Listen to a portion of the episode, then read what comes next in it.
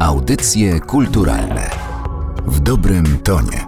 Przy mikrofonie Katarzyna Oklińska, dzień dobry. Porozmawiamy dziś o sztuce ostatecznej. Czy taka istnieje? Czy artyści, których lubię nazywać twórcami lub jeszcze lepiej rzemieślnikami, wybierają jedną dziedzinę, jedną kategorię działania, bo tak jest łatwiej, czy wręcz przeciwnie? I w końcu, co mówić o sztuce, o wytworze pracy twórczych rąk i umysłów, skoro one same, dzieła, powinny do nas przemawiać bez użycia słów? Moim i Państwa gościem jest dziś artysta, który 35 lat temu wymyślił i opatentował figurę geometryczną. To nie jest żart i to nie jest błąd. Był bywalcem Studia 54 w Nowym Jorku, współpracował i współpracuje z najbardziej opiniotwórczymi gazetami na świecie i miał wystawy w najważniejszych przestrzeniach dla twórców. Janusz Kapusta, grafik, ilustrator, malarz, scenograf. Dzień dobry. Dzień dobry, witam serdecznie. Musimy zacząć od zmian, jakie zaszły w Pana życiu w ostatnim roku, bo po 40 niemal latach mieszkania w Stanach Zjednoczonych, a konkretnie w Nowym Jorku, wrócił Pan do Polski. Pewnie dość ma Pan pytań, dlaczego tak się stało, więc zapytam, czy ta decyzja ma jakiś związek z działalnością artystyczną, bo spodziewam się, że jakiś ma. No, wiele elementów się na to składa. Ja od, od początku muszę powiedzieć, że kiedy pojechałem do Ameryki w 1981 roku, to tylko na trzy miesiące, żeby zobaczyć, z czego oni się śmieją, skąd biorą pieniądze. I stan wojenny mnie zatrzymał i tak zostałem, ale mentalnie i umysłowo byłem cały czas Polakiem, czyli po prostu tylko skorzystałem z okazji, że trzeba było aż tak długo czekać. Wróciłem, to jest też dowcipne, bo wylądowałem w Ameryce 20 października, a wyleciałem z Ameryki 20 maja w zeszłym roku, czyli jeżeli to wszystko pododawać, to wychodzi dokładnie 38 lat pomnożone przez 12 miesięcy, to jest 4, 5, 6 plus 7 miesięcy. 4, 5, 6, 7 co je, jakby jest o tyle jeszcze bardziej dowcipne, że stan wojenny mnie zatrzymał i nie wróciłem tu, a jak podjąłem decyzję, że chcę już wracać do Polski, to stan wojenny został wprowadzony, czy stan wyjątkowy powiedzmy i nie mogłem wrócić. Także jakby tyle lat czekać, żeby powtórzyła się sytuacja, to jest dość, dość dowcipna sytuacja. Ale oczywiście powód był jakby artystyczny. Dorosłem do takiej sytuacji wynikającej z mojego życia troszkę, że mówię, mi się świat rozsypał, jak byłem młody, przeżyłem rodzaj takiej frustracji, załamania, depresji, ale to nie świat się rozsypał, tylko moje wyobrażenie o nim. I postanowiłem, żeby je mieć lepsze. No i od tamtej pory ćwiczyłem wyobraźnię, bo uznałem, że to jest jedyne narzędzie, które może opowiedzieć coś, o czym nie wiemy, bo tak jak pamięć jest odpowiedzialna za przeszłość, zmysły są odpowiedzialne za teraźniejszość, tak wyobraźnia może sformułować zdania, których nigdy wcześniej nie wypowiedział albo nie, nie odkrył czegoś. No i to jest jakby droga. I dobrnąłem po tych swoich latach do do sytuacji, że podkrywałem ileś tak intrygujących rzeczy, które do tej pory tylko notowałem, że chcę troszkę zająć się sobą. Kiedy odkryłem jakby nowe zasady złotego podziału, fundamentalne podstawy, których nikt wcześniej nie zauważył, to było w 2004 roku. Dostałem, byłem zaproszony jako jedyny niematematyk przez Japończyków do takiego pisma naukowego i kiedy dostałem ten, ten magazyn czy biuletyn i zobaczyłem mój artykuł rozpoczynający całą opowieść, to pierwszy raz, miałem 50 ileś lat, nagle sam sobie powiedziałem zdanie, które mnie ani zatrwożyło, albo jakby zremisowało. Powiedziałem, że gdybym poszedł do bibliotek i przeczytał wszystkie książki świata, to nie znalazłbym tego, co sam odkryłem. A może czasem warto się zadać ze sobą. No i na to, na to, na ten wybór pobytu ze sobą jedynym miejscem uczciwym i sensownym była Polska, bo tu się wszystko we mnie zaczęło. Także taki jest jakby długa wypowiedź na w końcu nie tak skomplikowane pytanie. I oczywiście sztuka jest zawsze moim oddechem, że się tak wyrażę, bo, bo co to jest? To jest jakby inna postać dobra i, i mądrości. Także zajmując się nawet tylko nią, można bardzo ciekawe rzeczy dowiedzieć się o świecie. Bardzo pięknie powiedziane. Definicja sztuki w kilku słowach. Ten pobyt, niemal 40-letni pobyt w Stanach Zjednoczonych, to dla nas, odbiorców twórczości wszelakiej, odbiorców kultury, niebywała okazja, żeby zapytać o Pana rozumienie sztuki. Czy ta perspektywa międzynarodowa daje Panu szersze pole do działania? Do myślenia o sztuce w ogóle? To ja sądzę, że no bo przecież tyle ludzi wyjeżdża i nie, i nie zawsze wracają z szerszym pojęciem, co to jest sztuka. Wydaje mi się, że to jest intymna właściwość człowieka, czy on potrafi coś wyciągnąć. Ja mówię, wie, wielu robi, ale iluś ma znaczenie.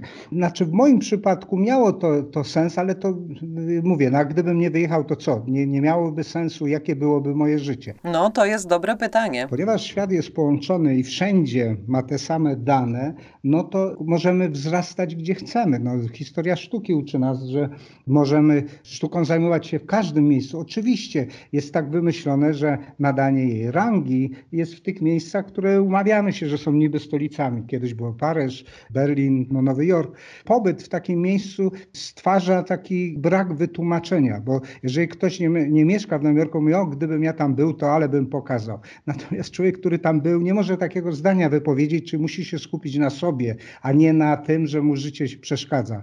W tym kontekście mi życie w niczym nie przeszkadzało, a jak przeszkadzało, to tylko po to, żeby się co mi przeszkadza. Ja zresztą na, nawet sam napisałem, że ewolucja toczy się nieszczęściami. Nikt szczęśliwy by się nie rozwijał, czyli to od nas zależy, jak pojmiemy i co będziemy mieli do powiedzenia na temat sztuki.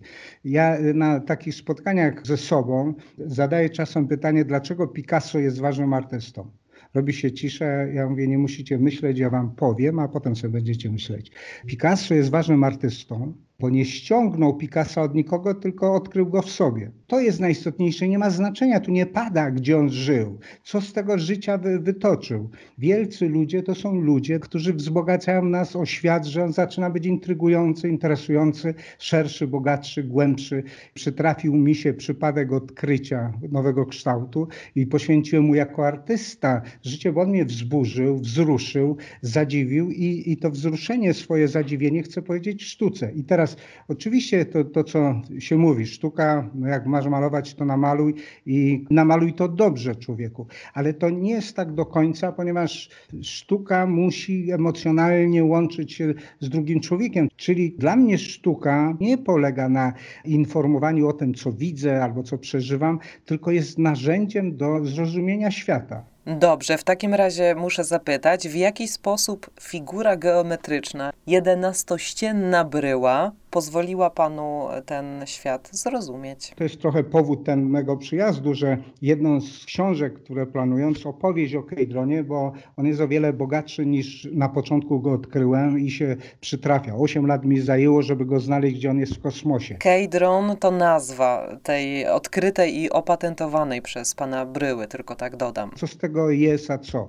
Twierdzenie Pitagorasa do niczego nie doprowadzało, jest jednym z największych osiągnięć umysłowych człowieka. Co mi dał Kejdron, to jakby poczucie, że świat nie aż tak bardzo wie o sobie, jak sobie myśli, ponieważ Kejdron się ujawnia, w związku z tym napiszę książkę, w której opowiem o tej głębokości Kejdronu poza powierzchownością y, matematycy. Jeżeli odkryją jakieś nowe równanie, to mówią, że jest tak piękne, że musi być prawdziwe. W związku z tym ja powiedziałam, czy jest możliwe, że zajmując się pięknem, czy na końcu będę w stanie napisać równanie, czy poszukiwanie i iście drogą piękna doprowadzi mnie do czegoś, co jest prawdą? No i właśnie, i dochodzimy tutaj do sztuki ostatecznej. Czy znalazł pan odpowiedź na to pytanie? Czy, czy już pan wie, że dojdzie do czegoś takiego? Tego nie, nie wiem, no bo jakbym wiedział, to bym już wiedział, ale zawsze polegałem na czymś takim, co my ludzie określimy jako intuicja. Intuicja to jest pewne przeczucie, pewien rodzaj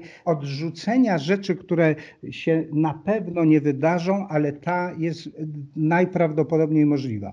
W związku z tym mam poczucie, że gdzieś jestem na tropie dość jakby jeszcze większego odkrycia niż nawet o Złotym Podziale, który tylko podpowiadał, że ten mój niepokój, którym zacząłem przyglądanie się światu, gdzieś prowadzi. Spotykamy się dzisiaj, drodzy Państwo, z prawdziwym idealistą. Nawet nie miałam świadomości, gdy rozpoczynaliśmy tę rozmowę.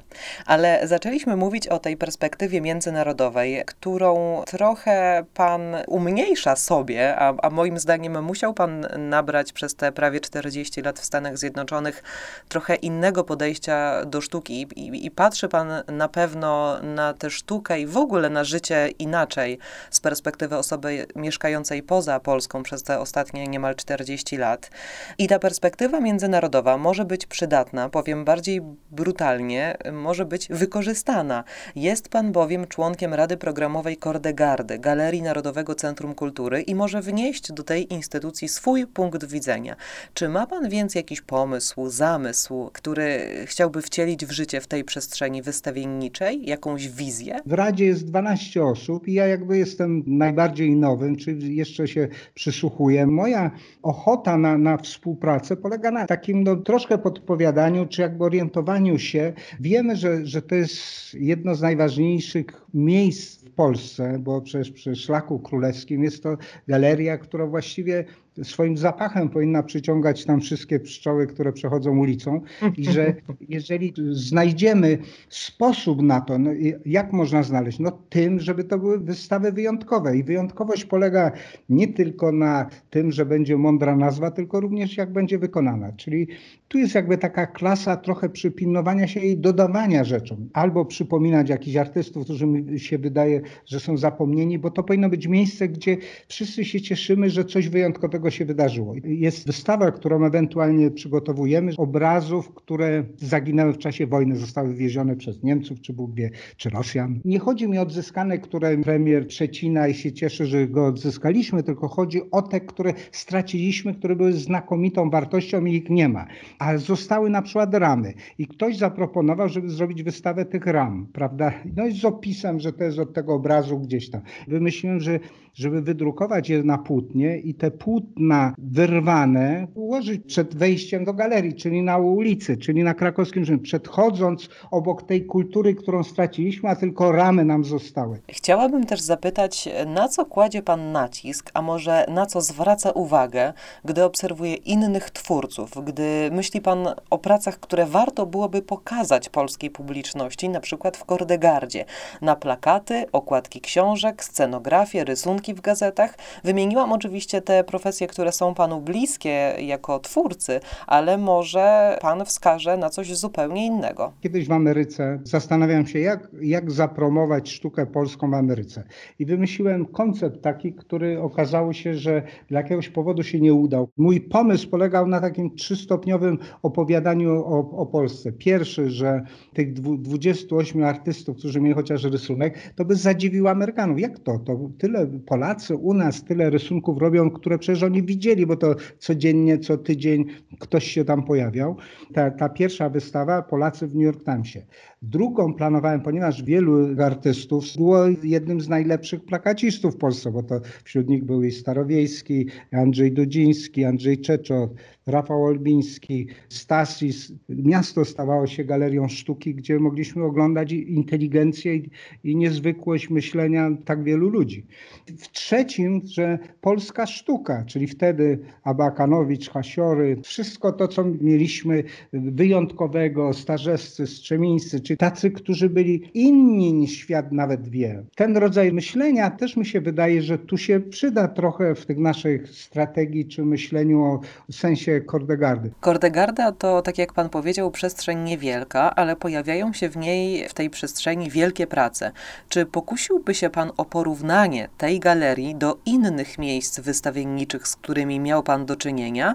Chodzi mi o to, jak Kordegarda, mała przestrzeń usytuowana w wielkim miejscu, bo naprzeciwko Pałacu Prezydenckiego, na Trakcie Królewskim, przy krakowskim przedmieściu w Warszawie, więc dość prestiżowo, wypada na tle galerii, z którymi pan do tej pory współpracował?